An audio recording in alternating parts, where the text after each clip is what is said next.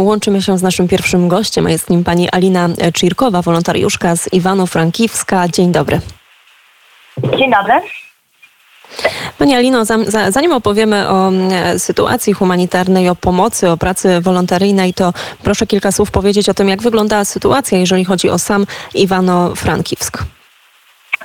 E, chodzi Pani o sytuację e, humanitarną, czy w ogóle o sytuację, jak miasto żyje? Na razie, na razie jeszcze zanim przejdziemy do sytuacji humanitarnej, to chodzi mi o to, czy e, miasto jest bezpieczne, czy jest tak, że nie spadają, nie spadają tam żadne rakiety, miasto nie jest atakowane. O taki kontekst już typowo, typowo teraz o, o, po prostu o to, czy nie przechodzi tam tędy ani w pobliżu front. Okej. Okay. E, no więc, znaczy moim zdaniem to teraz nie ma bezpiecznego miasta e, na terenie Ukrainy niestety, bo jakby nie tak dawno się stało też właśnie e, sytuacja, która miała miejsce w Winnicy, aczkolwiek też cały czas mamy alarmy, a alarmy świadczą o tym, że te rakiety lecą i dzięki Bogu pracują te służby przeciwpowietrzne, powietrzne, już nie pamiętam jak to dokładnie, jak to się nazywa, więc, więc jakby no raczej bezpiecznie nie ma. Oczywiście nie możemy porównywać e, Stanisławów, Iwano-Frankivsk z, e, z, z, innymi miastami, które, które są na wschodzie, bo tam oczywiście jest całkiem inaczej, tam te bombardowania są nieustannie. E, I czasami w ogóle przez cały dzień to oczywiście jest spokojniej, bo, bo było na początku wojny, potem jeszcze raz e, przyleciało, jak to się teraz mówi. E, a teraz jakby tylko te alarmy e, nie dają spokoju, ale ludzie mam wrażenie, że się z nimi, że się z nimi oswoili i no i w zasadzie, e, w zasadzie się nawet przestali chyba bać, chociaż już po tych ostatnich sytuacjach, że jakby coraz bliżej to podchodzi, to, to jakby znowu ten lęk, ten lęk wzrasta. Ale ogólnie życie się toczy, sklepy są otwarte, więc, więc jakby w miarę no ale jest w porządku.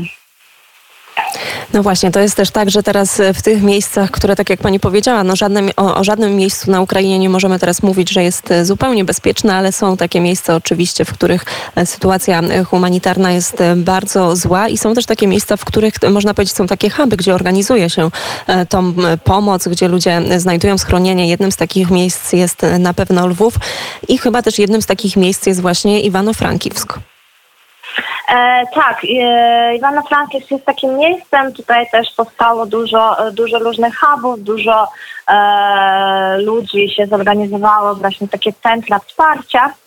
E, wsparcia zarówno dla e, uchodźców, czyli dla tutaj ludzi, którzy przyjechali, zamieszkali u nas ze wschodu, jak też oczywiście wsparcia dla wojskowych, e, aczkolwiek też dla cywili, którzy, którzy mieszkają, którzy wciąż zostali na wschodzie, którzy nie wyjechali.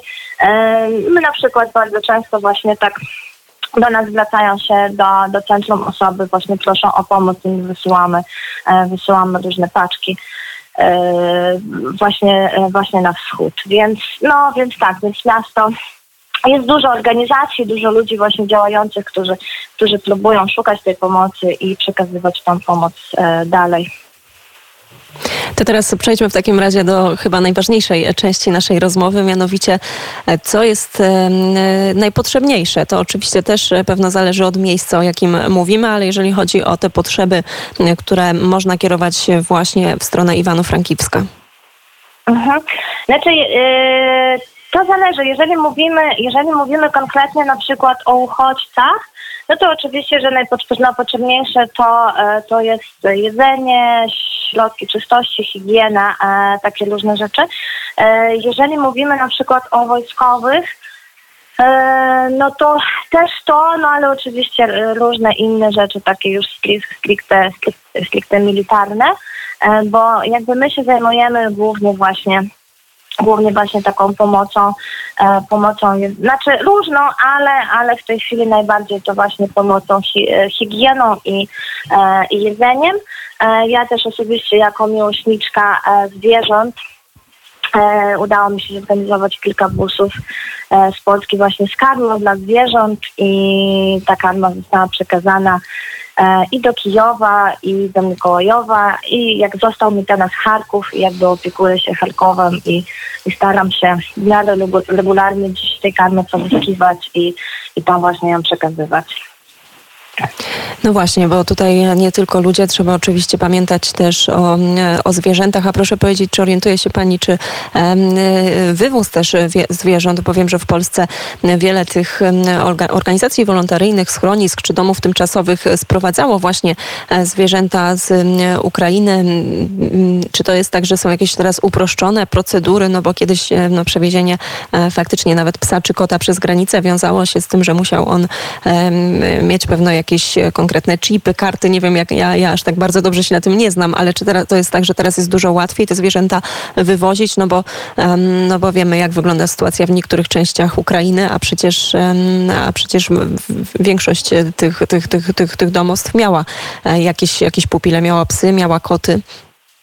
Czy orientuje się Pani, czy to jest tak, że łatwo teraz można te zwierzęta wywieźć i przewieźć po prostu na przykład właśnie sprowadzić do Polski? To właśnie to było łatwe. E, to było uproszczone przez jakiś czas. E, teraz mi ostatnia koleżanka, która właśnie tak bardzo mocno mnie wspiera w tej działalności na rzecz zwierząt, e, wysłała, że chyba jest nowa ustawa, że te uproszczenia zostały jakby zabrane i znowu trzeba paszport, jakieś chipy, takie różne rzeczy. Więc jakby przez moment było tak, że faktycznie można było przewozić zwierzęta, nie trzeba było chyba mieć paszportu. E, to wszystko było robione na granicy. Ja osobiście też e, miałam z tym doświadczenie, bo przywiozłam cztery psy z Charkowa, przywiozłam do Polski. I one są w tej chwili już we Francji. Więc, więc tak było, ale w tej chwili już tak nie jest. Jakby to zostało, zostało zdjęte. Pani Alina, ja w takim razie dopytam jeszcze mm, o to, jak e, zmienia się też e, i, i, czy w ogóle zmienia się ta pomoc, która płynie, e, płynie z Polski, czy nie tylko z Polski na Ukrainę. Czy widzi Pani tak, że z, z, z czasem z, no, ten konflikt się przedłuża, prawda, że z każdym miesiącem ta pomoc słabnie, bo to tak niestety zazwyczaj, zazwyczaj jest w przypadku długotrwałych konfliktów? Mhm.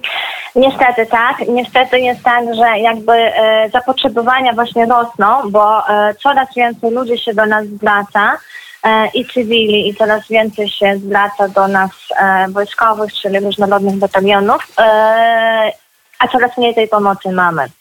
My jako centrum, więc tak, tak jest. Znaczy gdzieś też ja rozumiem, że ludzie się zmęczyli, tak, tą wojną pomaganiem i tak dalej, jakby gdzieś jest to, jest, ja rozumiem to oczywiście, e, no i no niestety tej pomocy brak. E, ja nie powiem, że brak, bo na pewno, znaczy jeszcze, jeszcze jakby jeszcze do, dochodzi ta pomoc, tak, ale jest e, porównując z tym, co było na początku wojny i jakby co jest teraz, to faktycznie, to faktycznie występują, występują duże braki, duże braki w e, wielu jakby, w wielu obszarach. W takim razie możemy zaapelować z tego miejsca także do słuchaczy Radia Wnet e, o to, aby wciąż pamiętać o Ukrainie. Tak jak pani podkreśliła, to jest tak, że z czasem tej pomocy jest potrzeba jeszcze więcej, a, a, nie na odwrót, co jest zupełnie, e, zupełnie naturalne. A pani bardzo serdecznie dziękuję za rozmowę. Pani Alina Czirkowa, wolontariuszka z Iwano-Frankiwska, była gościem Radia Wnet. Jeszcze raz dziękuję. Dziękuję bardzo za rozmowę. Miłego dnia życzę. I my również życzymy miłego, a przede wszystkim spokojnego dnia.